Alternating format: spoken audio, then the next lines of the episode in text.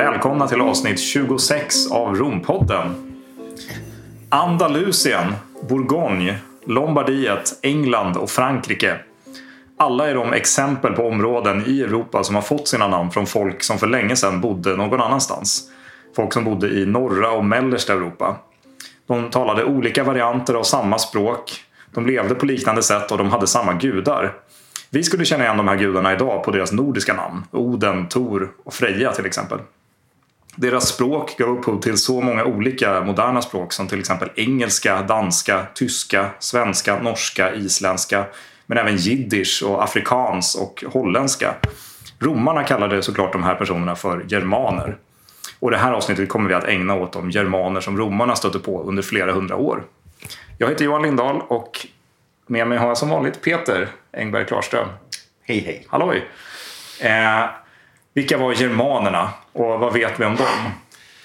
Ja, vi får gå långt tillbaka i tiden för att, eh, om vi ska börja utreda det här. För vi får nästan gå tillbaka sådär 5, 6, kanske 7000 år till slätterna norr om Kaspiska havet. Där eh, ja, urindoeuropéerna bodde som sen började vandra hit och dit. Vissa till Indien, eh, Afghanistan, andra västerut eh, Eh, mot det som, ja, som blev Europa sen och som är Europa. Eh, vi hade romarnas förfäder, italikerna, vi hade greker, vi hade slaviska stammar och germanska och keltiska stammar till exempel då. Som började vandra hit och dit. Från början talade de eh, ungefärligen då, har man tänkt sig ett, ett, e, e, e, ett språk proto-indoeuropeiska går det under beteckningen. Och ur detta utvecklades den urgermanskan från detta gemensamma urspråk för flera tusen år sedan. Ja, och det indoeuropeiska och indoeuropeer det är ju ganska, det är ett ganska luddigt område. För det, vi vet väl inte allting om de här men vi vet också väldigt mycket om vilka språk som är släkt med vilka och sådär. Men vilka exakt de här människorna var mm. är en annan fråga. Ja, det är det. Och, och exakt varifrån de kom och ja, rörde det, sig, det är väl inte helt... Nej, det är omtvistat fortfarande. Det är märkligt på sitt sätt för det är ju ja, 6-7 tusen år sedan. Visst, det är jättelänge sedan men det borde finnas, tycker ändå, kanske lite mer eh, bevismaterial, men för att uttrycka sig så drastiskt. Men det verkar inte riktigt vara så att forskarna har bestämt sig för hur det här har gått till riktigt. Nej, men det som vi vet i alla fall det är ju germanska språk och latin till exempel var ju ganska nära släkt. Ja, och grekiska ja. men också persiska och sanskrit som senare blev ja, hindi. Ja, precis. Så folk i norra Indien, deras eh, vad ska man säga, språkliga förfäder förstod folk som som vars eh, efterlevande senare hamnade i Sverige och ja. England och Spanien och så vidare. Och vi talar sådär 5, 6, 7 tusen år sedan. Mm. Eh, germanerna som sådana? Ja, de vet vi kanske inte lika mycket Nej, eftersom de var halvnomadiserade och inte egentligen byggde några städer eller byggnader som bestod. Utan mm, de bosatte sig stannade ett tag. Blev det överbefolkning så flyttade de vidare, gärna västerut i det här fallet. Då. Och det, en kan ju fråga sig hur kunde de göra det? Ja. Ja. Kom de till ödemarker? Ja, det bodde ju människor här kring. Stonehenge byggdes ju den här tiden på brittiska, på, ja, brittiska öarna, på säga, i England. Det var människor som inte som, redan bodde där när ja, kelterna kom till exempel. Så det bodde människor i Europa den här tiden. Men det var inte särskilt talrika skaror som bebodde områdena. Så att det fanns mark att odla upp till exempel då ehm, och bilda tillfälliga boplatser. För vi kan inte tala om germanerna som kanske ett, ett folkslag. Det, det är ju lätt tänkt kanske. Ja. Men så var det inte. Utan det är ju ska säga, enskilda stammar som, mm, som då talade ett gemensamt språk med grannstammarna. Ibland var de i krig med varandra, ibland var de i förbund med varandra. Ibland gick de upp i varandra och blev ett. Ska säga, en ny större stam kanske. Så det, det, är en långdragen process som inte är... Mm, ja, vad ska jag säga? Det, det, är inte så här och så här och så här var utan det flöt ihop, flöt isär. Så det, det är en utdragen process det här. Ja. ja, det där med folk och etnicitet och tillhörighet är jättesvårt att veta hur det fungerade under antiken. Ja. Särskilt när man har ett folk som inte hade ett skriftspråk. Mm, Vi fick ju ett skriftspråk i eh, delar av Europa som var, som var just germanskt. Runorna. Alltså förgermanska språk, precis. runorna. Men de kommer ju egentligen från Balkan från början. Ja, det är ju starkt influerat av andra. Och det kom ju mycket senare än, än vad vad Ja. vi är inne på nu. De kom ju efter Kristus. De hade ju sina myter och sägner, framförallt kanske religiösa och hjälte-epos. Men det var ju muntligt det här och skrevs inte ner. Så mm, jag kan mycket väl tänka mig att en enorm eh, litterär skatt har gått förlorad i och med att vi inte mm, känner till dem längre helt enkelt. De försvann i och med att talarna, berättarna, inte skrev ner dem. Ja, det här är den stora skillnaden mellan greker och romare och germaner. Greker och romare hade ju, hade ju det gemensamma att de skrev ner sina, såna, sina muntliga historier Ja. så småningom. Eh, Iliaden och Odysseen Ja. är de kändaste. Och germanerna kom aldrig dit riktigt. Eh, när de väl hade börjat skriva då hade de ju redan integrerats i den romerska kulturen så pass mycket att det var ju eh, Bibeln, det är Ja. det första vi har som är skrivet på ett germanskt språk. Eh, Silverbibeln som faktiskt ja. finns i Uppsala. Det är ju ett, eh, ett, ett av de äldsta verken som finns eh, i litteraturen på eh, ett utdött germanskt språk som heter gotiska. Mm. Den behöver vi inte gå in på riktigt än kanske, men den är, det är ju en väldigt intressant klenod och det är lite roligt att det finns i Sverige också. Eh, vi stal ju den från Prag under 30-åriga kriget. Det är en annan historia. Det är Men, en annan historia. men den är kvar i Sverige. Eh, men det finns ju några bevarade sådana här epos också. Du tänker på Beowulf och mm, den typen av... Beowulf, precis. Det är en gammal eh, engelsk eller nordisk berättelse. Det är också lite oklart. Det är helt oklart. Vissa vill nog gärna hävda att ja, Beowulf var nog kanske från Gotland trots allt. Ja. Det har gjorts vissa undersökningar om att um, den här borgen de talar om, ja men den ligger nog här på Gotland. Det finns alltid eh, sådana tankar och idéer. Mm. Ja. Och hur pass väl förankrat det här kan vara, det, det, vågar inte jag ge mig in på. Nej, det finns en stor debatt om det hos de som är experter på det. Men eh, sen har vi ju Nibelungensången och Eddan Ja. eh, som är gamla, eh, vad ska man säga, poetiska stora verk. Men som skrevs ner mycket senare än, än under den tid de lär ska ha utspelats. Ja, det gör det också lite svårt att veta hur gamla de faktiskt är. Ja. Eh, och sen har vi ju folktro och sagor som man inte heller riktigt vet hur länge de har berättats. Nej. Bröderna Grimms sagor från 1800-talet bygger ju på mycket äldre Ja, men- historier men man vet inte hur gamla. Nej, precis. Kan, det- det kan vara germanska, det behöver inte vara det. Ja. Däremot julgranen har jag läst. Eh, det här vågar inte jag uttala mig 100% säkert om men julgranen ska vara en rest från germansk folktro där man vördade skogen mycket mer än vad romarna och de kristna kommer att göra. Men eh, jag lägger in en liten, en liten brasklapp där om att det kan vara fel också. Det kan komma från någonting annat. Men om vi nu ska t- tala lite om germanerna som sådana, vad vet vi om dem egentligen? Det finns ju arkeologiska fynd och rester, det, det, gör det ju. Eh, Trots att de kanske inte var några byggare av större mått då. Men vi vet ungefär var de fanns vid ungefärligen vilka tillfällen och att det var ett klansamhälle. Mm, Vad innebär det? Ja, det, det mm, släkten, ätten, som är den viktiga snarare än kanske någon idé om en stat med någon gemensam kung. Utan de hade i stort sett klansamhällen som där släkten då var det förenande bandet. Så om man, har, om man har, ju fler kusiner och bröder och bryllingar och sysslingar man har desto mäktigare är man. Ja, eventuellt. Kanske. Och framförallt om du råkar vara fribörd då. Ja, för de hade ju också trälar. Mm, Slavar. Ja, Ja. De, ja ungefärligen så. Så det fanns ju lite olika tillhörigheter. Och det, det lär vara nog så att de tog med sig erövrade folkspillror från andra stammar och klaner som då kanske sen införlivades med den egna klanen.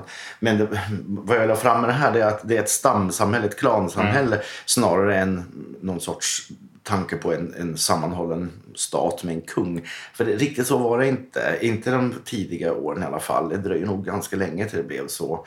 Sverige till exempel där mm, blev det Ja. inte något kungadöme som omfattade någon större del förrän bra långt in efter um, år noll. Långt efter, kanske bort mot år tusen. Ja.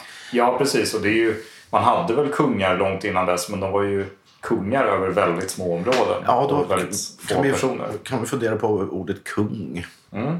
Romarna använde ju ordet rex, men de hade också princeps och lite olika beteckningar på hövdingarna. Så att det, var lite osäkert, det är lite osäkert det här faktiskt. Mm. Ja.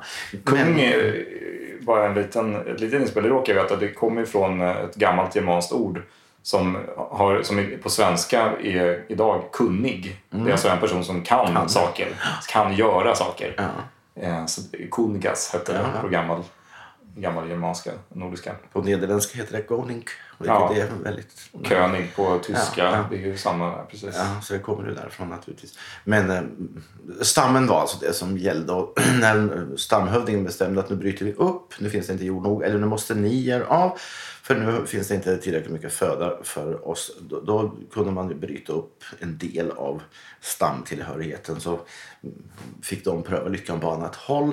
Det var gärna så det var, det, mm, vad ska vi säga, mm, den tidiga utbredningen ägde rum. Att det blev lite utbrytningar ur gruppen som drog vidare till en annan mm, trakt. Ja, Långsamt, långsamt egentligen. Det var inte någon mm, uttänkt marsch hit och dit utan det var mer slumpmässigt och mm, under en lång tidsperiod. Ja, det tog ju flera decennier att röra sig över Mm. en, en längre, ett längre område här. Det finns en svensk författare som heter Tore Jansson som har skrivit mycket om romare men också om Mm. germanerna. Han, han diskuterade mycket om det här med vad var en stam egentligen? Vad var Ja. det att tillhöra en, en grupp? Och Det var ju inte riktigt några tydliga gränser Nej. för de här. Utan det behövde inte heller vara att alla var släkt med varandra. Det kunde vara att folk bara tydde sig till varandra för att man behövde någon sorts gemenskap. Och sen så Det påminner också, påminner också om den romerska beteckningen familias. För Ja. det, det behövde du inte vara släkt kanske som vi tänker oss idag. Men om du ansåg att du var en del av, eller om du ansågs vara en del av familjen, ja då var det väl det. Ja. Som behövde hjälp och skydd. Och du blev som en mycket nära familjevän, det vill säga en utsträckt del av familjen. Det var nog gärna så här också. För, och jag kan också tänka mig att det var många ska säga, styv barn, styvfäder, styvmödrar. När någon föll ifrån av föräldrarna så gifte kanske nya om sig. Och, Då var man familj. Ja, så det är nog ganska vanligt. För germanerna verkar också ha varit väldigt monogama. De hade en hustru. Nu finns det säkert exempel på en och annan så kallad kung då, som hade flera bihustrur. Det är mycket möjligt. Men i stort sett så var de monogama. Och därför om någon av makarna föll ifrån så kunde nog den andra tänkas gifta sig om. Ehm, så Ja, alltså man hade inte månggifteskultur. Nej, till, och dessutom kvinnornas situation verkar ha varit ska vi säga, betydligt bättre eh, hos germanstammarna än till exempel hos greker och romare där, där kvinnorna hade egna ska vi säga, avdelningar och inte hade mycket att säga till om förrän mycket senare i, i tiden. Men hos germanfolken så alltså var det nog så att kvinnorna hade en ganska stark ställning för de, de hade en del att säga till om och de var inte alls lika hårt hållna som hos greker och romare till exempel. Ja. ja, men det där är intressant. De, de, romarna såg ju på germanerna som någon sorts eh, ideal kan man säga det som. Eh, när det gällde att vara monogama. Att de, inte, de, hade, de verkade inte ha samma behov av att vara otrogna som till exempel romerska män ofta nästan uppmuntrades till att vara.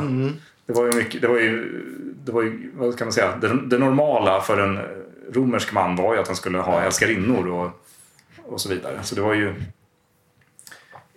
en lite annorlunda kultur om man får tro de källor vi har. Ja, det, det, det verkar ju vara mer så för om man ser till de gamla vikingasagorna så nog hade kvinnorna en ganska stark ställning. De kunde vakta hemmet när männen var borta och det var de som var bas över hemmet och gården. Över de män som fanns där, över trälarna, över barnen, över de som bodde i hushållet. De hade nycklarna och det var det som var det viktiga i sammanhanget tydligen. Då. Ja, nycklar med citationstecken.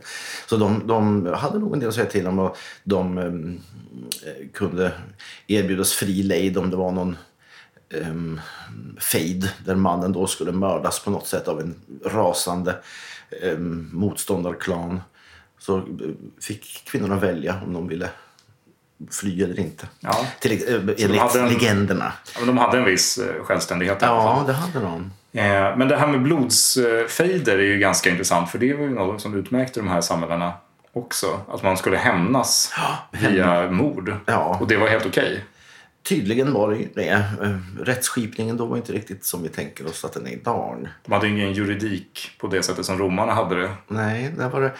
Um, om jag nu kommer ihåg det rätt så räckte det med att, i alla fall vid senare tid, att tolv fria män sa att så här är det. Ja, då var det så. Ja, just det.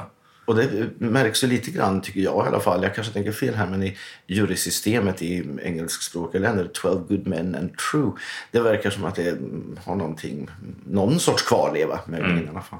Ja, och det, det tycker jag reflekterar lite det här med att han lever i en klan. Att det viktiga är hur många man har runt omkring ja, sig och som ja. man har band till. Ja. Eh, då, har man en vikt, en, då är man en viktigare person helt enkelt. Precis. Och då har man ju massa som kan gå i god för den. Men om det nu var så att de var en väldig massa olika stammar germaner, det, det finns ju hur många som helst, att ibland slog de ihop sig i kanske tillfälliga förbund, försvarsförbund kanske. Sen tyckte de kanske det här var en god idé och fortsatte att vara ett folkslag. Um, men hur såg de ut? Ja, det finns vissa indikationer. Um, Tacitus beskrev vissa av dem som lite rödlättblonda och med himmelsfärgade ögon. Lite, ja. gr lite grå, eller blå och lite grönaktiga.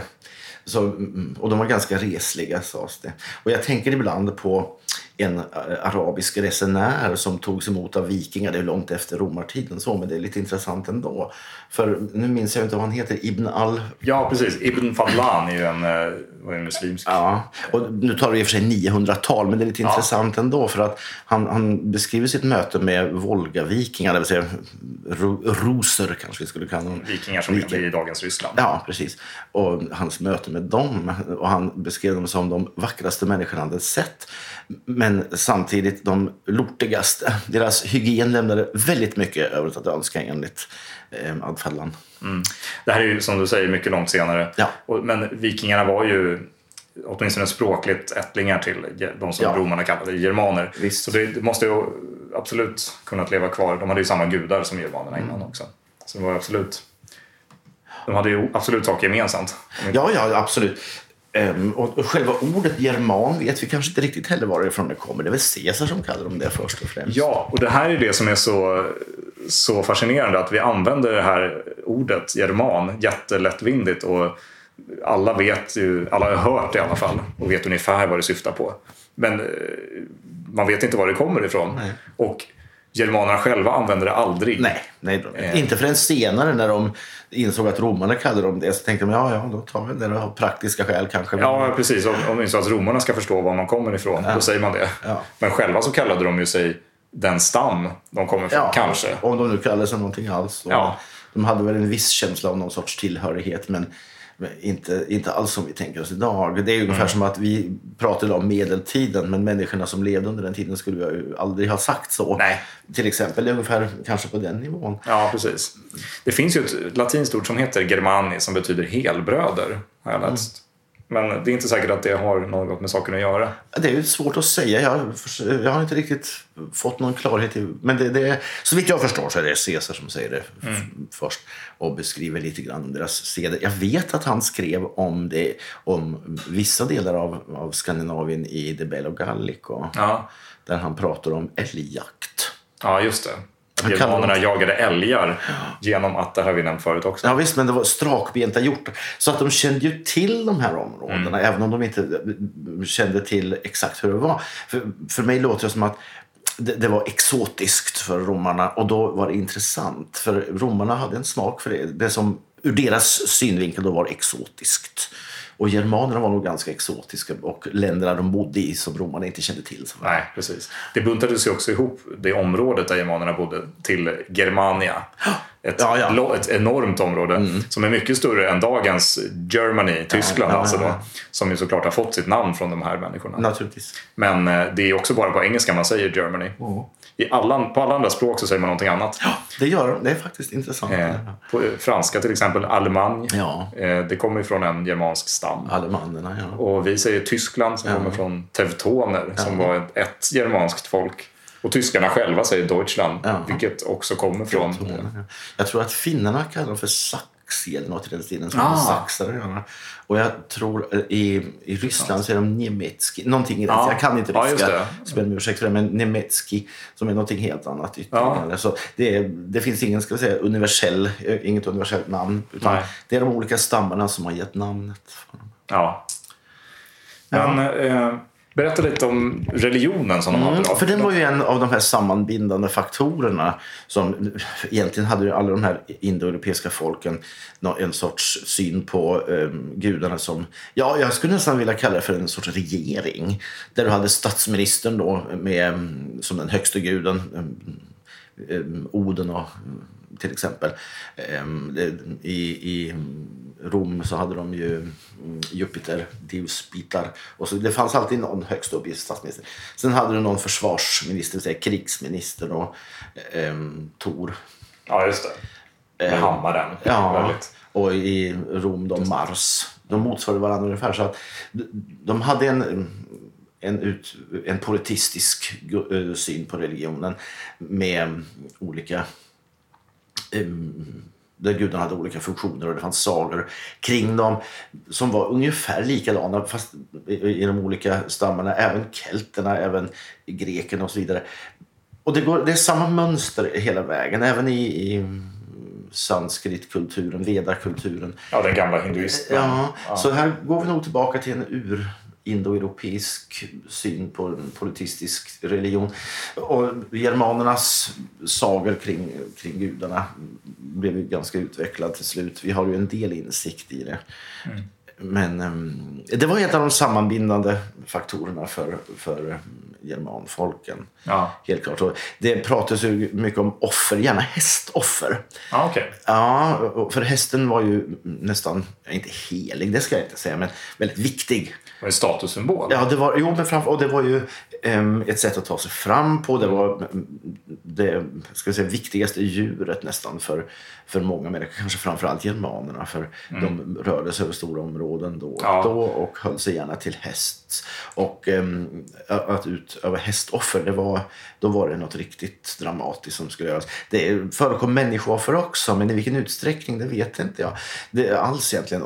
Men det kan ha varit mm, förrym, eller förrymda, höll jag på att säga. Det kan ha varit krigsfångar, det kan ha varit eh, brottslingar som då på något sätt offrades till, till någon av gudarna. Men jag, jag vet inte hur vanligt det här Nej. var. Det, det framkom, jag har en känsla av att det inte var särskilt vanligt. Men det vet inte jag faktiskt. Och ehm, några tempel som sådana fanns ju inte eftersom de inte var bofasta. Utan offer fick nog förrättas där och då, där de var just då. Och det kan ha varit så att mm, det talades om kungar vid något tillfälle. Ja, det kan nog vara så att de hade mer mindre sakrala kungadömen där kungen då som vi pratar om kanske hade någon sorts religiös funktion och därför var lite över de andra ska vi säga, stamhövdingarna. Så kan det mycket väl ha varit. Ja, för Tacitus, som vi nämnde lite grann förut, det var ju en person som år 98 efter Kristus skrev en ganska lång beskrivning, eller en, ett verk om germanerna som heter Germania. Och han nämner ju hur de har ett ganska enkelt klassamhälle där man har eh, någon typ av adel och någon typ av eh, enkla bönder, fria män. Eh, och sen har man ju trälare, slavar. Och sen så har man också ett prästerskap som är väldigt mäktiga och kan bestämma väldigt mycket av vad, vad man får göra och inte. Eh, så religionen var ju absolut, i alla fall, det kan man ju anta att det var ett väldigt viktigt eh, maktmedel i det här samhället. Så verkar det ha varit, ja. ja. Och det var ju i Rom också. Det var ju, som du säger, väldigt lika religioner. Det är Ja. ju det är samma grund. I grund och botten är det samma, i stort sett samma saker men gudarna har olika namn helt enkelt. Och det tycker jag ändå är viktigt att man poängterar att stereotypen av germanerna som vi har idag, eh, det är ju att de var mer krigiska och brutala och barbariska än vad romarna var.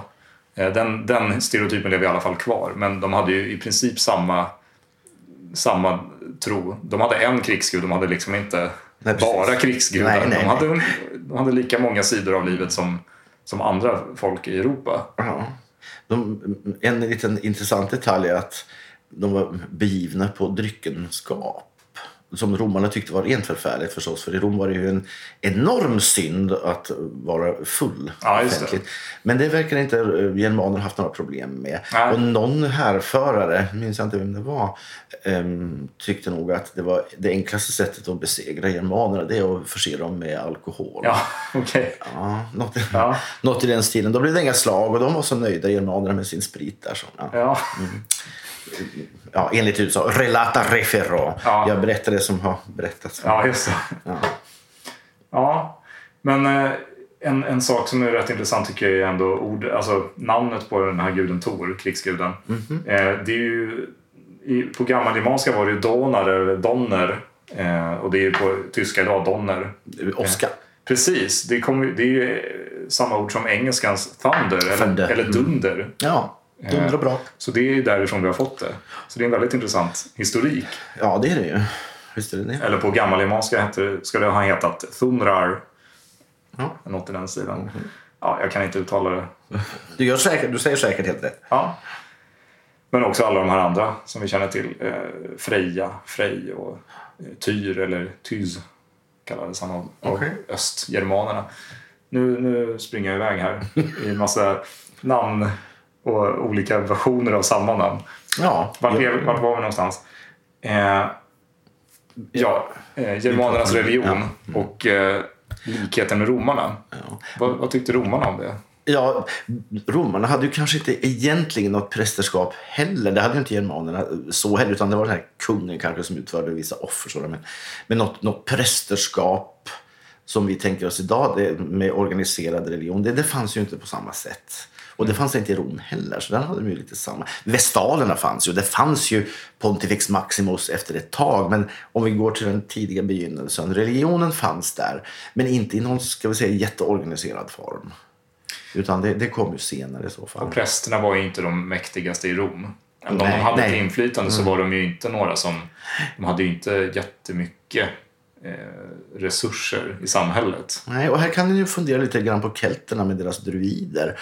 Som var någon sorts domare och präster. Och Mm. Ja, de verkar ha mycket Ja, de, ja, druiderna hade nog en, en större funktion för, för kelterna än någon... Jag, jag kommer inte på någon motsvarighet i något annat folkslag vid den här tiden. Nej. Men så var romarna också väldigt misstänksamma mot just druiderna. Ja. Mm. ja, just det. De ville ju inte att de skulle ha, ha något att säga till om. Inte ett dugg, nej. Nej. Men, eh, ja. Men men kom romarna i kontakt med germanerna? Ja, det var ju kanske... Säg runt 110 före Kristus ungefär. Ja, det- går inte att säga exakt så, men runt där kring, cirka 100 före Kristus. För då började germanfolken röra sig. Nu hade de avancerat ganska långt västerut. Och germanerna kom i kontakt med kelterna mm, först och främst. För kelterna bebodde områden i mellersta Europa och germanerna kom invandrande österifrån långsamt, ibland krigiskt, ibland fredligt. De slog sig ner ibland, ibland fortsatte de bara västerut. Ibland slogs de, ibland slogs de inte.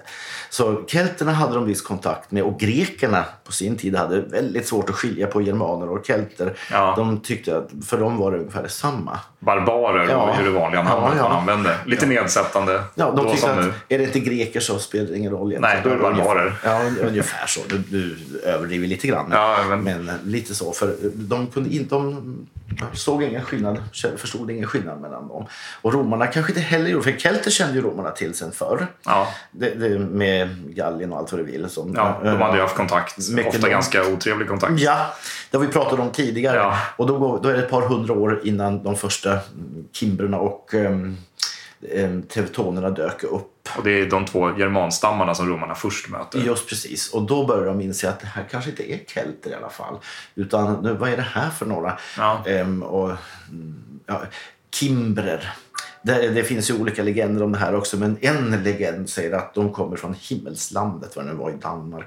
Så de, de lär då ska ha någon sorts danskt ursprung. Det är bara det kan vara nys det här, men Ja. det finns alltid någon som vill försöka härleda namnen till någon, någonting annat. Så, Det är också ganska trevligt som dansk till exempel att säga att ja, men kimbrerna var ju danskar. Eh, även om man inte vet det så är det ju ganska roligt att känna tillhörighet med, Ja, visst med antika folk. Ja, ja, ja men så, det förstår jag också. Så Ja. det är ju alltid lite kul att tänka sig att det kanske var så. Och sen kanske, kanske det visar sig om 50 år att ja, men så var det. Jaha. Ja. så vet ju aldrig det här Nej. riktigt. Det Eller så så- visar det sig att man har helt grundligt fel och så har man gjort visst. bort sig. Ja. Så det, det är väldigt svårt att säga det här. Men Kimrar och teutoner var de första nu ska vi säga, större folkförbanden. Jag vet inte vad man ska säga. för Grupper, Grupper kanske, ja. Tore Jansson kallar det Ja. för grupper. Ja. För att det, det är inte riktigt rätt att säga folk, det är inte riktigt nej. rätt att säga stammar heller. Nej, nej, utan- Eller stater för den delen. Nej, stater kan vi utesluta direkt för det hade de ju inga. Utan hopslagningar, men grupper säger vi då. Första germanska grupp de stötte på. Ja. Och de blev ju ja, ovänner efter ett tag i alla fall. Mm. Men germanerna påverkades ju en hel del av romarnas kultur. ja, Och, de blev ju romarnas frenemy, som vi ska Ja. återanvända det här sönderanvända begreppet. Så var det ju verkligen ett sånt eh, utbyte mellan Rom och germanerna så småningom när de hade, så att säga, när de, när de gränsade till varandra. För romarna erövrade ju både Gallien och Belgien och några delar av dagens Tyskland. Ja, och, absolut. Schweiz och så vidare. Så de kom ju att gränsa till det här Ja, området Helt klart. där germanerna bodde.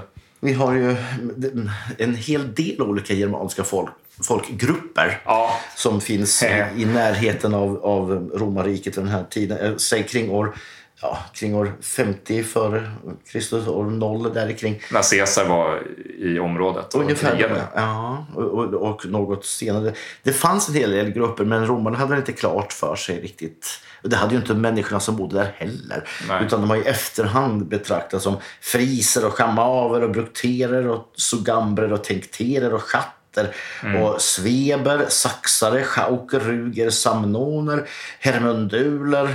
ehm, Och så vidare. Och så vidare. Det vimlar av grupper plus då en massa mm, keltiska stammar som bodde i, eller folk, förlåt mig, keltiska grupper Mm. Ja, som bodde i dagens Frankrike av, mm, i olika områden. Då. Och så hade vi belgierna som var, verkar ha varit en blandning av olika keltiska grupper och germanska grupper. Ja. Men det här är ju också något som vissa grupper av människor får namn tillskrivna på sig av andra, Ja, det vill visst. romarna. Ja, men ja, det är romarna som uppfinner de här folken, Ja, men så, säga. ja det är, så är det nog faktiskt. För de känner inte till det här själva riktigt. Nej. Förrän senare. Ja. Däremot så finns ju några av de här grupp eller stamnamnen kvar idag. Mm. De flesta försvinner ju i, historiens, liksom, i historiens Ja, några dimma. nämns, nämns inte ännu. Nu, Jag kan mycket väl tänka mig att vissa av de här namnen som romarna gav dem, ja, de slog ihop sig till olika förbund. Senare blev det ett annat. Mm. Samma människor. Deras farfars far kallades för Hermendul medan farfars mor kanske var eh, Fris. Ja. Friser. Ja. Man kunde byta identitet Ja. eller tillhörighet väldigt lätt. Ja, det-. Väldigt lätt kanske, Nej. men det gick. med, med olika sammanblandningar och försvarsförbund och vad det nu var. Ja. Soki, alltså bundsförvanter, så, Ja, så slogs de ihop av sig själva eller av tvång, vad vet jag. Ja. Och frankerna till exempel förekommer ju inte här som kommer att spela en väldigt stor roll sen. Precis. Och de som, Och langobarderna nämns inte riktigt som något folkslag just den här tiden Nej. som kommer att spela en väldigt stor roll också, och så vidare. Och goterna, de bodde väl längre norrut den här tiden de kanske inte ens hade dykt upp riktigt här ännu. nej, man vet ju inte riktigt var de kommer ifrån. Men de kommer, goterna kommer att bli kanske de viktigaste germanerna i den här delen av historien. Eh, de, de blev ju arvtagare till romarriket. Ja, ja, ja. Och de olika typerna. Det heter visigoter och ostrogoter. För, för när jag var mindre fick jag nu säga väst och östgoter, men det fick jag absolut Nej, inte säga. det var inte riktigt det det betydde. Nej, nej. Utan det fick jag lära om. Där, så Mm. nu försöker jag vara. Men vad jag vill säga, vad vi vill säga med det att det är ju en viss, viss röra. Ja, det är riktigt rörigt. Det måste ha funnits hundratals Ja. olika grupper. Och dessutom en massa grupper som vi inte ens mm, känner till eller som inte nämns. Nej, precis. Och vad hade de gemensamt för att kalla sig germaner? Ja, språken som vi pratat om och religionen och klantänkandet. Det, det är ju inte så värst mycket mer. Nej, precis. De har ju de, de har inte så mycket annat gemensamt än att de har de har ju också en geme, ganska gemensam livsstil. De har ju, alla lever ju i princip i ett område där det är väldigt skogigt. Det finns inte jättemycket jordbruksmark. Och man vördar ju skogen förmodligen på ett annat sätt än romarna som gärna kunde hacka, hacka ner den och, och bruka den. Och det har du helt rätt i. Romarna bodde, eller romarna, det börjar bli sliten känner jag. Germanerna bodde väldigt gärna i, eller åtminstone nära skogen. Ja. Så det är någon sorts eh, ja, en, en kulturskillnad mot Ja, det är det. Sydeuropa. Ja, men det är en väldig kulturskillnad på många sätt mellan dem. Och det fascinerar väl romarna på sitt sätt. Men germanerna kom ju ursprungligen från ett ganska litet område. Vid, ja, men för ungefär 3000 år sedan så, så beräknar man, eller tror att eh, det urgermanska kulturområdet är ju typ dagens Skåne, Danmark, Nordtyskland. Sen plötsligt, eller inte plötsligt, nu är jag väldigt sådär svepande. Men långt senare, tusen år senare, så, så breder ju de ut sig över hela Centraleuropa, Nordeuropa men också Östeuropa. Så de har ju, de har ju nästan halva Europa så talar folk germanska språk, Ja, det hur, dialekter. kom, hur kommer sig det här då? Frågan. Jo, det, Ja. fin, det finns en hel del förklaringar till det. Ja. Därför att dels var det en, förmodligen en folkökning. De hade tillgång till föda och mm, ja, hygien ska vi inte gå in på, men föda hade de i alla fall. Så att även om väldigt många barn antagligen dog i späd ålder här också så blev det en folkökning. Områdena de bodde på räckte inte till och då gjorde man som för ett par tusen år sedan när de stack iväg från sina urhem kring Kaspiska havets norra områden. Då. Ehm, Så nu gjorde de samma sak och började flytta på sig. Inte alla, men en del. Ja. Ehm, och, eh, hur kunde de göra det? Ja, delvis hade ju kelterna övergivit sina tidigare hemtrakter och dragit framförallt söderut och västerut. Ja. Så det fanns öppna områden där de kunde börja odla eller hålla sig till skogsbruk och jordbruk. Eh, Den möjligheten fanns. Sen var det säkert så att hundarna började pressa på österifrån så att det blev oroligheter ja, det här är något som händer lite senare. Lite senare. Men det, det finns Det rörelser. eh, Det kanske inte var just hundra, men det, det var rörelser österut som gjorde att det blev oro på sina håll. Ja, germanerna var ju inklämda då mellan kelterna västerut Ja. eh, och sen så fanns det ett folk som hette skyterna Ja. och de var ju nomader. De bodde eh, s- kanske så långt västerut som dagens Ungern och Rumänien.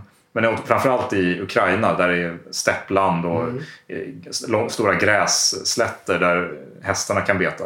Och de levde ju på ett helt annorlunda sätt. De, de var beridna. Alla red i princip. Alla kunde rida och flyttade sig. De hade inga städer eller fasta boplatser. Också väldigt svåra att möta i öppet krig. Mm. Eh, Så de, de var förmodligen inte så trevliga att bo grannar med. Nej, det det, kan jag förklara att Ja, det verkar ha Ja. varit... det var- Jag, jag menade nog sky, skyterna när jag felaktigt sa hundarna. Sen kom det ju massor med liknande Mm. folk som också har massa, eller grupper Grupper, ja. ja, på det, österifrån. Och de senaste, eller de, störst, de som hade störst påverkan var ju hundarna som du sa. Senare. Ja. På 300-talet Ja, ja. efter Kristus. Precis, men det var den här typen av orsaker som gjorde att germanerna kunde breda ut sig. Det fanns marker och det var en, inte explosionsartad folkökning, men en markant sådan som gjorde att de var mer eller mindre tvungna att hitta nya boplatser. Då. Ja. Och det satte ju, satte ju andra folk i rörelse. Vi, vi talar ju om de germanska folkvandringarna, men det är ju senare. Men här är också en sorts folkvandring. Inte bara germansk, men Precis. Germanerna folk- folkvandrade ju lite grann hela tiden. hela tiden, ja. Kan jag se det. Ja, så är det. Men romarna och germanerna kom ju allt mer i kontakt Ja. här kring, eh, ungefär kring eh, det vi kallar Kristi födelse. Ja, där och Caesar var ju en av de första. För då hade ju romarna sin gräns Limes mer eller mindre eh, efter floden, vid floden Ren. Ja, Och öster om Ren bodde ju germanfolken. Som, förlåt, grupperna. Jag lär ja mig inte det här. Men det är så svårt att hålla isär. Det, Ja. det får vi förlåta oss för. Ja, vi får nästan göra. Germangrupperna bodde i öster om. Ja. Så att de hade ju en hel del kontakt. Och framförallt i de områdena. Romarna som bodde i, i Italien till exempel. De kanske inte riktigt stötte på rom, eh, germaner varje dag. Nej. Nej, men soldaterna vid gränsposterna gjorde det ju dagligen och stundligen. Ja. Och romarna försökte ju faktiskt flytta gränsen Mm, det gick vid tillfälle. Nej, det gick inte eftersom den, den, den långvariga gränsen blev ju ren Ja. av en anledning. Ja, det var ju lättast att försvara förstås. Ja, men Augustus eh, ville utvidga i alla fall Rom, Roms gränser ännu längre österut. Ja, för att få en, möjligtvis för att få en bättre mil, eh, militärgeografisk gräns då, eh, än, än ren Donaulinjen var. Han ville att den skulle gå eh, längs Elbe istället och ner mot de bergen i Böhmen. Så de, då behövde han alltså avancera med, med Roms legioner då, Ja. långt in i centrala Tyskland. dagens. Ganska, precis, ganska långt in på germangruppernas områden. Och det Ända upp till inte- Danmark. Ja, nästan. Elbe ligger ju väldigt långt norrut. Så Hamburg mm, Ja, just är ju det. rätt känt där. Så mm, långt skulle de. Och det här var ju inte... Ja, jag kan inte riktigt föreställa mig att det var tänkt för romersk kolonisation utan snarare som försvarsområde gentemot german, germaner, möjligen då. Mm. Eh, Men vi får också komma ihåg att det bodde en hel del germaner inom romerska rikets gränser den här tiden. Kring år noll är vi nu ungefär. Då. Eh, För då hade de många mm, genom ja, assimilering mm, kanske blivit lite romaniserade men kände sig kanske ändå som icke-romare trots detta. Vad det nu var. Vi har en herre namn Arminius som vi snart stiftar bekantskap med som hade varit i eh, romersk tjänst och lärt sig en hel del eh, militär, militära trick och strategier Ja, som han kommer att få användning för om några år. precis. Han tjänstgjorde ju vid, eh, vid hovet, eller vad man skulle kunna kalla det. Eh, tror man. I alla fall. Han, ska, han var definitivt i romarriket, kanske till och med i Rom. Möjligtvis ja, ja, mm, det, det sägs så. Nu i alla fall då så ville Augustus utvidga Roms gräns. Eh, Och ehm, de gjorde ju en viss framstöt också. Ja, alltså precis här kring år 0 så var det väldigt många olika kampanjer och fälttåg långt upp i norr. Alltså ja. nästan upp till dagens eh, Berlin och Lübeck. Och, Nej, kanske inte riktigt så långt, men På väg dit en bra bit in. Samtidigt som romarna ville göra den här gränsförskjutningen som var ganska omfattande då, så utbröt ett uppror i Illyricum, ungefär ja, det som kanske kan betecknas som före detta Jugoslavien. Ja. Så på ett helt annat ställe så blir det oroligt. Ja, och ehm, där var de... Där fick ju då många trupper dit. Man fick skicka många trupper dit snarare än just i det här mm, området där man skulle utvidga. Så det var inte något vidare tillfälle för romarna det här. Egentligen. Nej, man kan inte slåss så bra på två fronter. Brukar Nej. det vara i alla fall. brukar inte fungera något vidare. Så, men de mm, gjorde ändå framstötar för de trodde nog att vi är ändå överlägsna germanerna på alla sätt. Så att vi kör det här. Men så kommer det till ett slag som kanske inte är helt obekant i Teutoburger Wald.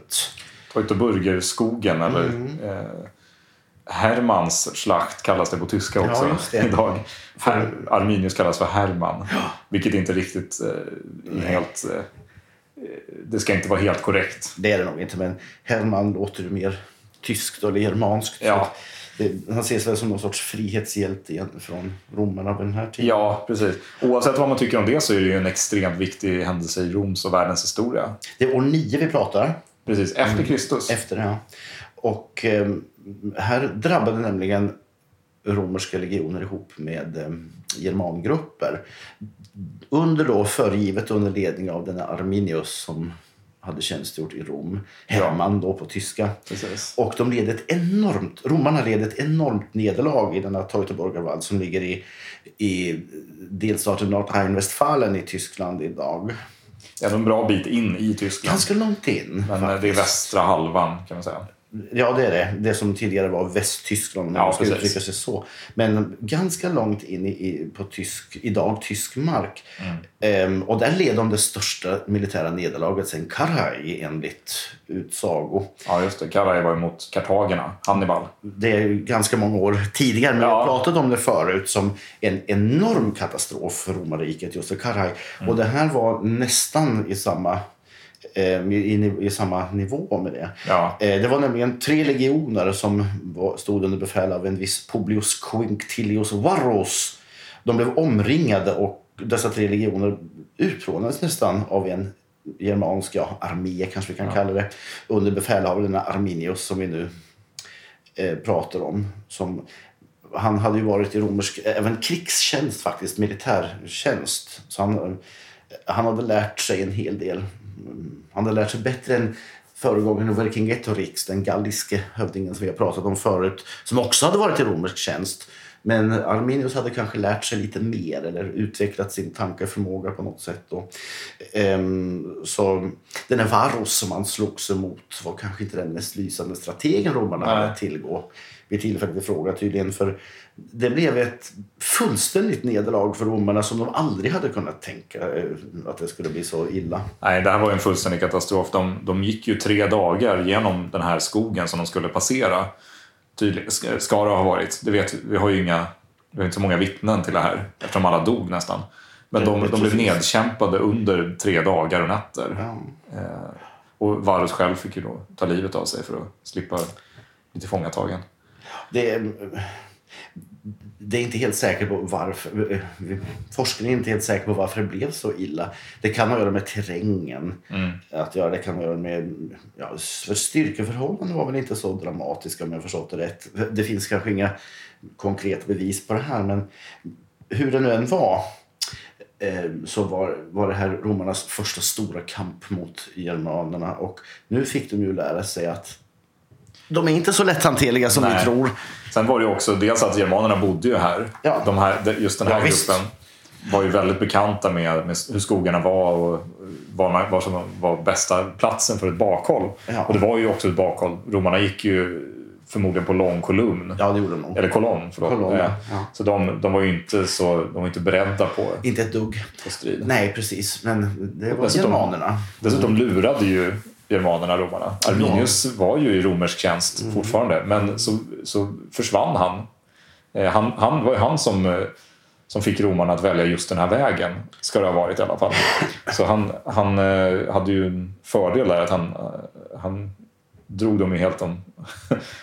vad, säger man? Han drog dem i näsan. Han drog dem en näs, ja, ganska blodig näsdragning. Får vi säga. Men han bytte um, sida ganska Ja. tvärt. Då. Ehm, men det här blev en, en, inte bara en förlust i människoliv utan en prestigeförlust. Ja. För romarna som då övergav sina eventuella planer på en sån förlängning. Det finns väl inga konkreta exakta bevis på att de hade tänkt sig den här förlängningen. Men mm, det finns antydningar om det. Så de övergav i alla fall eventuella idéer och konsoliderade istället ren Donaugränsen nu.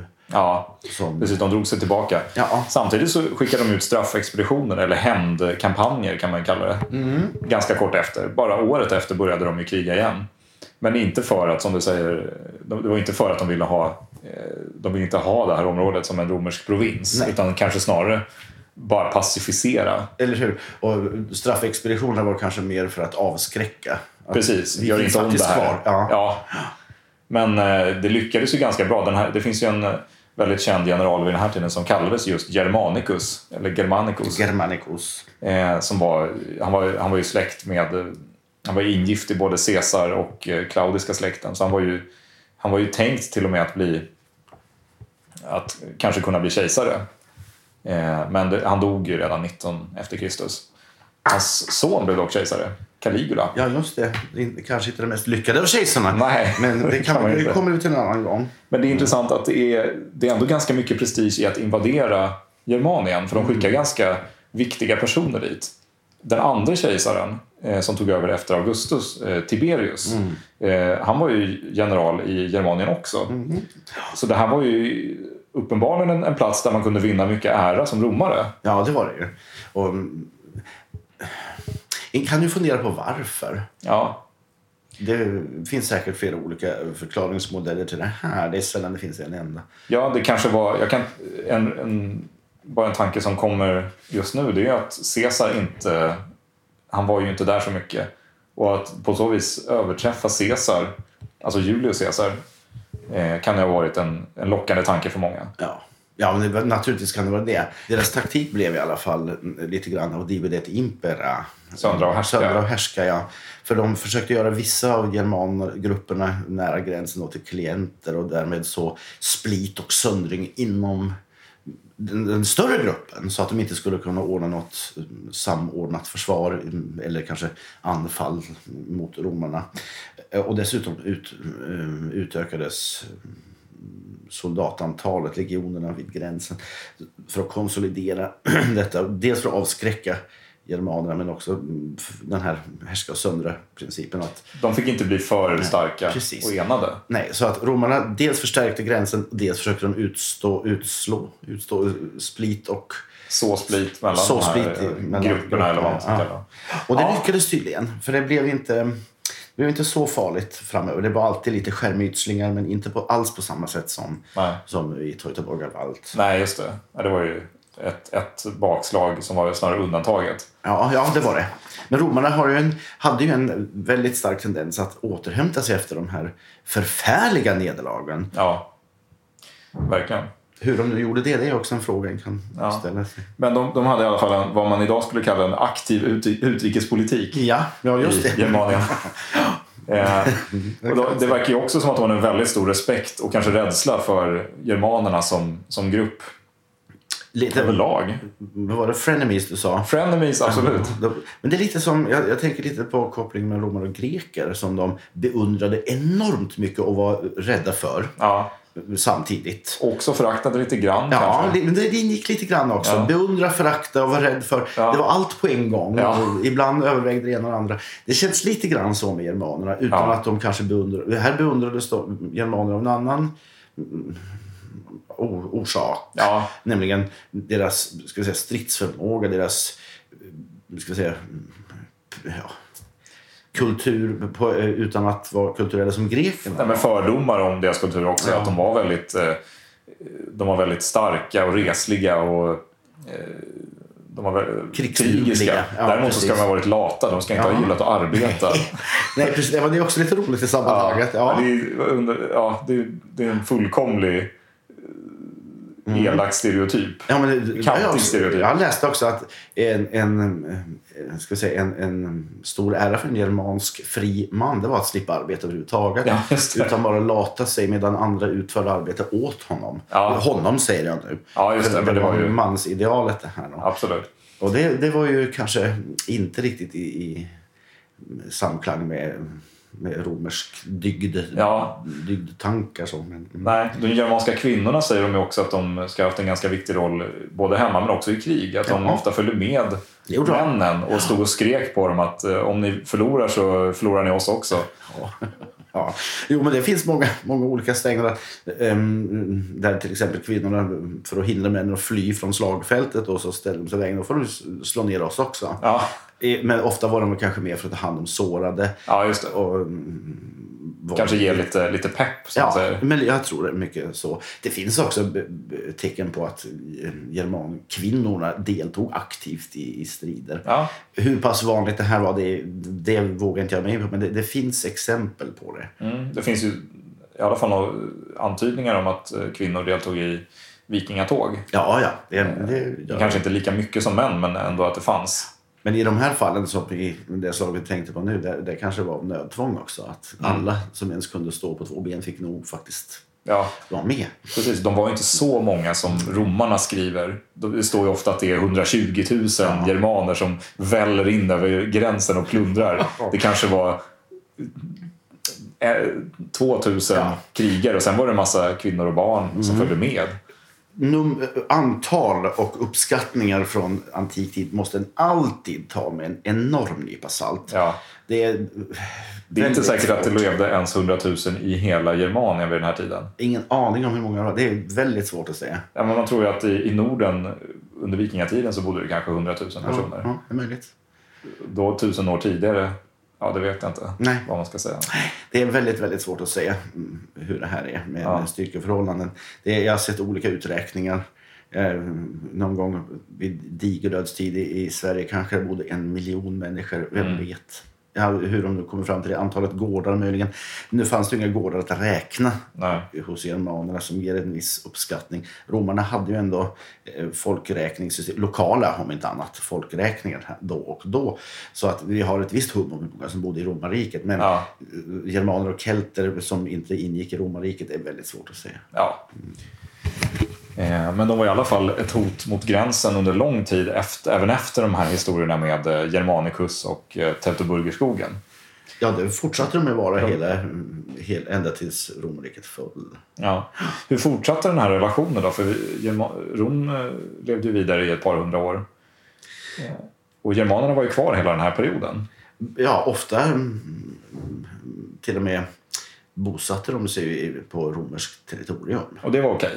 Ja, det verkar ha varit. för De var inte liksom utestängda från imperiet? Jag tror inte det fanns någon, som du sa här förut, det fanns ingen absolut eh, tanke. Mm, utan rörde de sig in och fri, bosatte sig frivilligt kanske lät sig på något sätt romaniseras mer eller mindre, mindre säkert eh, och inte slogs. Ja, men då så. För många insåg kanske att vi har nog kanske lite bättre inom gränserna så länge vi inte bråkar. Ja, precis. Ja, för här finns jo, det finns infrastruktur och det finns mark att odla. Vad det är. Um, så bosätter vi oss här. Ja, vi kanske får vara i fred till och med. Ja. Det kan ha funnits sådana tankar. Jag vågar inte riktigt uttala mig om det. Nej, men precis. Det är ju, de flesta germanerna var väl ändå vanliga bönder som ja, ville ha någon, eller någon typ av eh, födkrok. Och romarriket var ju rikt. Ja, och hade tillgång till... Det fanns... Du kunde införskaffa verktyg och kanske hjälp, vad det nu var. Ja. Och dessutom hade de kanske lite bättre odlingsmark än i de skogsbetonade områdena som germanerna kanske bodde i från början. Mm. Så de är mindre och mindre intresserade av skogen. Ja, alltså om man, om man, har, om man bor nära renfloden, tänker jag mig nu. Man ser på ena sidan, eh, den egna sidan, eh, om man tittar österut. Där, har vi skog och mer skog ja. och lite mer skog. Ja. Och några jobbiga grannar som, som vill ha vårt bröd, ja. eller våra träd, vår skog. Och sen så har vi på andra sidan floden, där verkar de ha lite, lite hus, lite fina statyer eh, i någon, någon stad till och med, någon marknad där man kan köpa roliga frukter. Se på lite djur och det verkar överhuvudtaget finnas mer att göra. Och dessutom kanske skydd i form av gränssoldater, legioner som skyddar mot yttre fiender ja. på ett sätt som de inte hade kunnat göra själva. Det ja, finns... exakt. De har ju, precis. Ja. Och överbefolkning förstås som gjorde att det här var av tvång. För i och med att romarrikets maktposition och struktur avtog mer och mer under, ja, efter 300-400-talet. Ja. Desto fler germangrupper började bosätta sig i de här områdena. Ja. Men det, det är det där som är, tror jag, många, en sak som många missuppfattar i den romerska historieskrivningen. Att plötsligt så invaderar germanerna och bara roffar åt sig romarriket. Jag ser det mycket mer som att, det är, att germanerna blir en del av ja romarrikets gemenskap och sen så vill de ha sin, sin plats i den gemenskapen. Absolut. Naturligtvis, så är det ju överallt idag också. Ehm, det, det, var en långsam process det här. Det var inte så, precis som du säger, jag tror inte heller att det var någon att så, nu ska vi invadera. Utan det här var under århundraden som mm. germangrupper, jag lär mig ja, nästan att säga det här med grupper. Germangrupper bosatte sig, eh, ibland bara kanske en familj, ibland en hel klan eller stam om du vill uttrycka det så. Ibland ja. enorm, mycket större grupper. Men sen kom ju den stora folkvandringsvågen efter romarrikets fall egentligen. Då. Ja. ja. Så, nej, du har helt rätt. Det, det, går inte att säga att det var en invasion så riktigt. Inte på det sättet som vi tänker oss idag. Nej. Sen var det ju vissa invasioner. Ja, men det, det förekom också... ju förstås också, men inte, det, det var inte regeln. Nej, men de, som, de invasioner som var lyckade får man också komma ihåg, det var av de germanfolk som hade levt längst när, och ja. närmast Rom. Ja.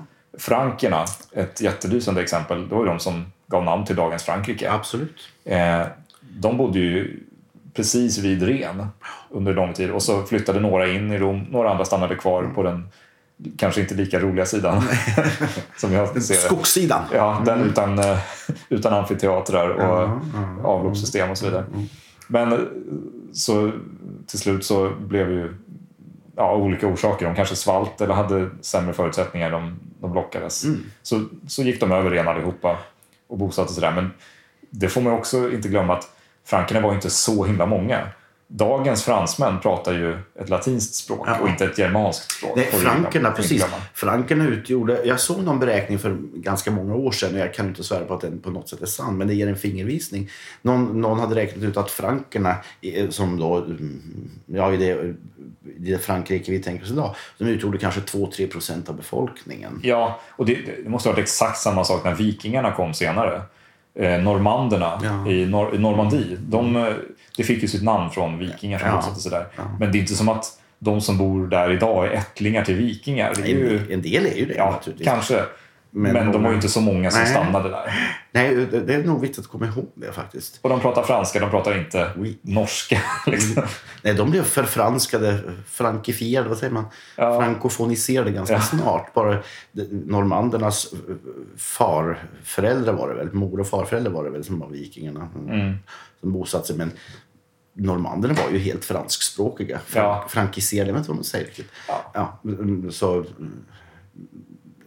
vikingar på sitt sätt, men inte egentligen. Nej. Och så vidare och så vidare. Så det verkar som att assimileringen gick ganska snabbt ändå. Ja, För frankerna som då talade germanspråk, de gick nog över till dåtidens franska. ja, något sorts förfranska. Förfranska, ja. Ja.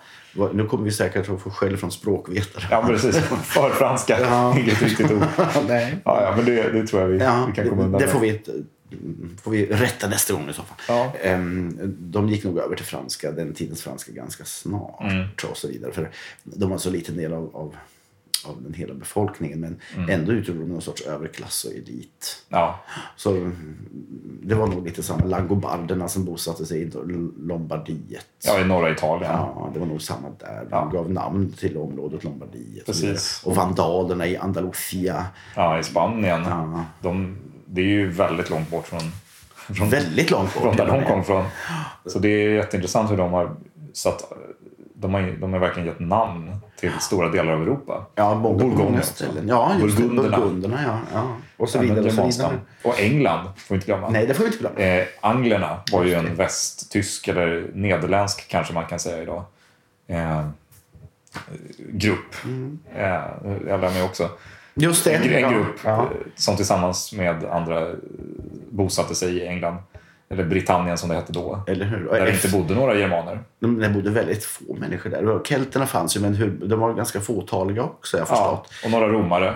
Jaha, som inte hade övergivit området för att det var ju i och med att romarna övergav mer eller mindre Britannien som de stora folkvandringarna dit började äga rum. Mm. För då måste ju människorna i norra Europa ha förstått att jaha, nu har de lämnat det här. Hmm. Ja, Nu ska vi se vad vi kan göra åt det här. Det måste ha funnits någon sorts informationskanal, någon kommunikation ja om precis. det här. Ja, men man hör ryktet att ja, men där borta i Britannien så finns det rätt mycket land. Vi kanske borde ta våra båtar och sticka härifrån och se vad som finns. Och sen så tar det ju ett tag innan, man har, innan många har bosatt sig Ja, vi talar ganska många generationers tid här också. Ja, det var ju väldigt mycket krig i eh, hur anglerna och saxarna och Väldigt våldsamma tider här. ja, Mm. Överhuvudtaget så. Ja. Men de blev huvudbefolkningen i det som idag är England. Ja. Och det fick sitt namn efter dem. Wessex och Sussex och Essex. Essex. Det, är ju, det kommer ju ur saxarna. Alltså östra Sax och västra Saxområdet. Ja, och så har vi. Anglia, som inte är en officiell beteckning, men det, det, det finns som East Anglia, vad det nu är. Ja, just det. Inofficiell, jag undrar om det inte ligger någonstans i, på östkusten, sydöstkusten. Ja. Nordöst om London. Till exempel, så att visst, germanfolken gav ju avtryck, åtminstone till namnet, Ja. och det här och där. Det, det finns till och med idéer om att berberna i Marocko har inslag av vandaler. Vandalfolken, alltså Ja. germanfolket vandal, germangruppen. Just det. Vandalerna Ja. som då bodde i Andalusia men som på något sätt vandrade söderut. Och Ja, de slutade ju i sig. Nordafrika. Ja. I Tunisien. Just. Så det, var en rikt, det är nog det, det mest uthålliga german, den mest uthålliga germangruppen om man säger så. Vandalerna kom ju från dagens Vitryssland, Polen ungefär. Eh, Och gick en bra bit då. Sen gick de till Nordafrika. Ja. Men nu är vi inne på folkvandringstiden Ja, på är, men det är 400-talet. svårt att undvika det i sammanhanget Ja. här. För det påverkar romarna eh, och romarriket också. För de germangrupperna bosatte sig på ja, det som ibland fortfarande var romerskt territorium och sen när romarriket föll då så bodde de ju kvar där och Mm. tog över. Och sen kom det nya folkslag som var en liten del av befolkningen men dock kanske mer krigisk eller bildade någon sorts överklass då, så vidare. Så- höll det ju på ganska länge. Så mm, romarna och germanerna samlevde, ska säga, sida vid sida, ibland i krig, ibland i fred, ganska länge. Ja. Och det uppstod ju små eller mindre och en del större och, och så, krig genom den romerska historien. Eh, både efter den här Teutoburger-katastrofen Ja, ja, ja, och före folkvandringstiden. Det var ju till exempel den kände kejsaren Marcus Aurelius. Ja. Han hade ett långt krig mot markomannerna på, i slutet av 100-talet efter Kristus. Och markomanerna, bo- de fanns någonstans i... Om, Typ dagens Bayern. Bayern. Eller Tjeckien, Tjeckien, kanske. ja. De, de kom norrif- alltså ganska centralt norrifrån. Men varför skrigade Marcus Aurelius mot dem? De invaderade faktiskt Italien. Mm, Du ser. De kom ner till dagens eh, Venedig, Aquileia. Ja. Eh, så de var, ju, de var ju ett ganska stort hot Mm. under en kort tid. Som med alla de här grupperna så höll ju inte de samman särskilt lätt. Så de, de hade ju förmodligen inte kunnat etablera någon, stor, någon riktig stat. Det visste ju inte romarna kanske. Nej, romarna var ju rädda för dem, absolut. Och de, eh, de plundrade ju när de, när de, och tog vad de kunde när de var i Rom. Men det var ju också så att Rom var fortfarande ganska mäktigt vid den här tiden. ja, det var det. Och det här skildras ju i filmen Gladiator för övrigt. Hur, de, hur romarna besegrar markomannerna. Så eh, det är en viktig episod. Men sen också eh, krisen under 200-talet talar man ju om ibland. Romarriket fick ju en, en liten minikris före folkvandringstiden och innan Rom gick under. Vad bestod den av då? Det var ju det var väldigt blandat. Det var mycket inbördeskrig och sånt som vi kan gå in på i ett annat avsnitt. Ja. Men framförallt så var det goterna som kom in på, på scenen. Då. Och goterna är ju... Det var ju inte människor som klär sig i svart och lyssnar på gotrock. Eh, Du tänker på goterna med H här? ja, som plötsligt strömmar in i romarriket. Nej, så var det Med sina. Kafkaböcker och eh, lustiga skor. Nej, men det, det här var eh, ett germanskt, en, flera germanska grupper. Just det. Eh, Men de vet man inte riktigt var de kommer ifrån. Man kan spåra dem till norra Polen. Ja. Och det är ändå, de kom långt österut ifrån jämfört med andra germaner. Men vissa tror att Gotland Ja. har fått sitt namn från dem. Att de kommer från Sverige. Det är en ganska populär, Ja, det är en tanke, populär i, tanke. i Sverige. ja, det är klart det. annat. Ja, men det är klart det. Ja, och götarna tror man kanske att ordet är detsamma. Men det går inte att bevisa. Nej, det gör det inte. Och då, det fanns ju två större delar av, goterna. Visigoter och ostrogoter. Just det, som du sa förut. Där. Det, är ju, det var ju de två stora Ja. got, gotgrupperna. Och var det inte visigoterna som gav sig ner mot Spanien och södra Frankrike? Visigoterna eh, slutade sin väldigt långa vandring får man säga. Det, det gjorde de i Spanierna.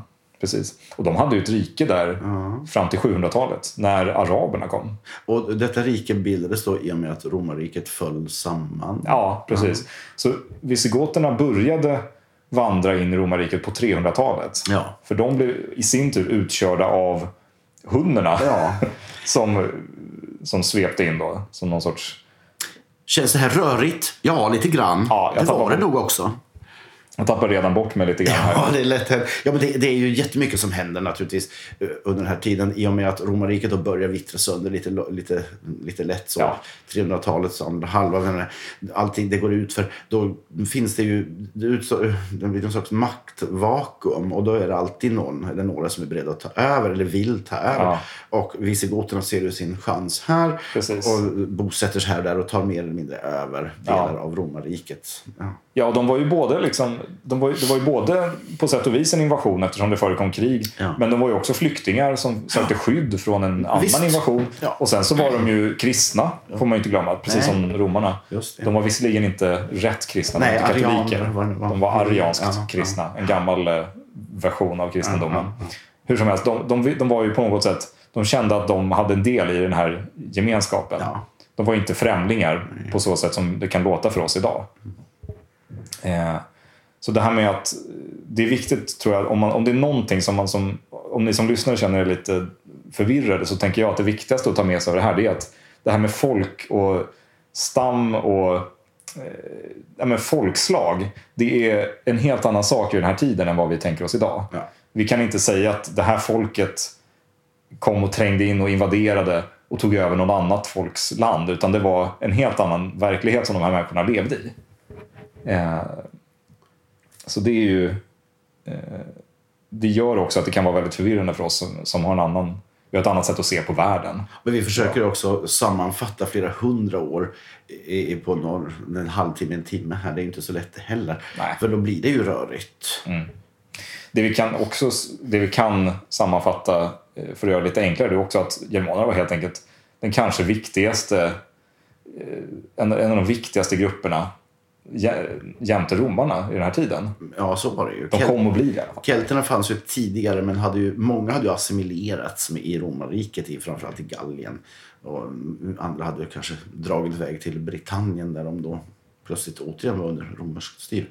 Ehm, eller fanns där sedan tidigare. Men just germanerna med mm, sin folkökning och mm, ja, att de gärna tog till sig av, av romersk kultur och stridsteknik inte minst. Eh, samtidigt som de bodde väldigt nära gränsen utan att kanske bo i romarriket hela tiden. För större delen gjorde det inte. Så det är klart att romarna hade mycket att göra med germanerna i nordöst. Ja. Och en kan ju tänka sig att även romarna lärde sig väl ett och annat på det här. Framförallt efter deras förfärliga nederlag i Teutoburgerskogen. Ja. Ja, men det är en väldigt komplicerad relation. Ja. Man har både beundran och respekt och rädsla för varandra och lite hat. Ja. Och, och sen så, det är som en jobbig granne som man, som man inte kan flytta från. liksom. Man bor i samma, bor på samma gata. Ibland så är det bråk om, eh, om vem som ska städa var och eh, att man inte ska klippa gräset eller klippa sönder den enes träd eller något sånt där. Och sen så har man ibland lite grillfester tillsammans. Eller hur? Så, så, Så vill kanske inte de gå hem? Eller? Nej, precis. De, de, de har inte samma seder och bruk riktigt. Och sen så ibland så, så upptäcker man att något eh, trädgårdsredskap är stulet. och sen så flyttar den plötsligt in hos en. Och så Ja. blir det någon sorts kollektiv och det funkar rätt bra. Man börjar kolla på tv tillsammans och så. Sen så blir det bråk igen. Ja. Eh, och sen kommer det nya och eh, andra flyttar ut. Och, ja, Kära lyssnare, det här är en jämförelse ni förmodligen aldrig hört för. Men Nej. faktiskt väldigt beskrivande kan jag tycka. ja, jag försöker göra det lite mer begripligt. Men Ja, det, men kanske inte blev. Det, det låter precis så som jag föreställer mig. Ja. Och det är någon, det, någon sorts motvillig ömsesidig hatkärlek. på Ja. något sätt. Och det, historien slutar ju inte riktigt tydligt heller. Nej. Därför att germanerna blev ju en del av romarriket. Samtidigt som det fanns germaner som inte var det. Ja. Och de, det de gjorde var ju att de, de tog ju i princip över. Och, På många ställen gjorde de faktiskt det. Ja. Väldigt stora delar av Västrom eh, blev ju på något sätt eh, germanriken senare. Jag tänker på Frankrike, jag tänker på vandalernas och visigoternas eh, riken i Spanien, jag tänker på langobardernas rike i norra Italien. ja, Och, angler- England. Anglerna och saxarna som erövrade, mer eller mindre erövrade, det är inte rätt ord kanske, men flyttade in och tog över. Ja. I, gradvis. Ja. långsamt men säkert. Ja. Och det här är ju också grunden till, det här är det kanske mest intressanta för oss idag. Det här är grunden till moderna västeuropeiska stater. Så är det. De, den, den första frön sås ju till det vi känner som Frankrike, England, Spanien, Italien Ja. och Tyskland. Absolut. Ja. Ja, men så är det ju. Och det sker under romersk tid. Ja. Och där får man också nämna att det gärna missbrukas av nationalister och andra eh, olika extremister senare i, i tiden. Alltså att man, man gärna ser en, en lång röd tråd tillbaka med, där eh, fransmännen härstammar från de här eh, ärorika personerna, frankerna. Och sen är det inte så enkelt, men det, det slätar man gärna över. Ja, eller hur? De väljer... Du menar att det väl, nationalister, vad det nu var du nämnde, väljer enskilda delar ur historien och anser att så här var det. Men- så är det ju aldrig. Ja, nej. men precis, det är aldrig så, Det var så enkelt. enkelt. Mm. Nej, så, är det, så enkelt är det aldrig. Det, och jag tänker också på den idén om att det ska finnas något rent folkslag. Det gör det ju inte. Det har ju aldrig funnits heller. Nej. Det visar ju den här tiden väldigt tydligt. att det är, Folk sätt- bosätter här och var och blandar sig gärna med ur, de som redan bor där till exempel. Mm. Det, är- det är ju det som är regeln känns det som i historien. Att, mm, ja, och mm, vissa folkslag, grupper. Ja, folkgrupper. det är, ja, men vi är präglade av det här också. Att man säger just folk istället Ja, för... tänker grupper av människor då, som nämns i, i romerska ehm, dokument till exempel. Ja, 50 år senare nämns de inte mer. Nej. Vad hände med dem? Ja, de har blandats ihop med andra då. Ja, det var inte så som att de dog ut. Nej, nej, nej, så var det ju inte. Utan de slogs ihop med andra grupper Ja. och fick kanske nya namn. Det är samma person, äh, inte samma personer, men deras ättlingar. Mm. Så jag är övertygad om att de flesta är fullständigt uppblandade. Ja. ja, eh, ibland kan jag inte låta bli att tänka att det är just för att historien som vi pratar om idag är så himla förvirrande och rörig som man gärna, man gärna tar en lite enklare förklaring. Ja, men det tror jag också. Det, är mycket, det blir mycket lättfattligare. Mm. Sa jag rätt? Var det ett ord som heter så? Ja, det tror jag. Det är mer, mer ett riktigt ord än förfranska. Ja, just det. Långfranska och förfranska. Ja, vi får många nya spännande ord att prata om idag. Ja. Men eh, ja, det, det var i alla fall ett av de absolut mest intressanta folkgrupperna som romarna kom i kontakt med. Och fra, eh, säkert den mest långlivade relationen som romarna Ja, hade. så känns det ju. De levde sida vid sida, mer eller mindre fredligt och som du med Mm. grannarna du nämnde här nyss, under ganska många hundra år. Ja. Och också att germanska språk, det, är ju en, det, det, det kan vi i alla fall prata om idag. Ja, är det ju, kan vi prata Det är om. ju en av de absolut största språkgrupperna i världen. Absolut är det så. Tack vare engelskan såklart. Ja, naturligtvis. Ehm, Nej, det är svårt att och, och, och, och veta med säkerhet när det blev olika språk och när det bara var dialekter. Men när vi ändå är inne på språk, ska vi läsa lite germanska? ja, det ska vi göra. Det är Codex Argenteus du tänker på nu. Precis, det var den vi nämnde i början här, eh, Silverbibeln. Eh, den finns ju eh, kvar och vi vet hur det gotiska språket då, som den är skriven på lät ungefär. Eh, du kanske vill läsa upp en, en ganska känd text Ja, men, i gotisk version. Ja, då, det, är ju med vad ska vi säga, förbehållet och brasklappen att ingen får tro att det här är någon sorts perfekt gotiska ni kommer att höra. Men vi, vi ska göra ett försök här i alla fall. Och det är ju då Fader, Fader vår. ja, som är i himlen. Och vissa ord känner ni kanske igen, framförallt från tyskan. Då. Ja, det är inte helt eh, främmande men om man bara läser rakt upp och ner så kanske man inte vet. Ja. Ja, då kör jag här med. Atta unsar thuin himinam, wechnai namothein. Kimei theodinasus theins, varthai vilja theins. Så in himina ja ana aethai. Chleif unsarana thana sinteinan gif uns himadara. Ja aflet uns thatei skolans siljaima. Swaswia reis afletam thaim skulam uns rein. Jahni brigais uns in frestuniai. Aklausei uns af thama uvilin. Und, und theina ist theoran, theodangardi jah mats jah vulthus in aevens. Ja, och jag kan ju lite tyska och det låter ju väldigt mycket som du säger. Som Nu- någon sorts förtyska. Ja, det gör det. Och nu är jag inte säker på att diftongerna blev rätt här. Nej, det, det behöver vi inte vara så noga med. Nej. Det är bara roligt att, att höra hur det, något i närheten av vad det kan ha låtit som. Och det, det här är ett av de äldsta eh, spåren av, av germanska språk som vi, som vi vet, som finns väldigt, nedskrivna. väldigt spännande. Ja, en gammal präst på 500-talet som heter Wulfila Just det. som eh, skrev Silverbibeln. Då.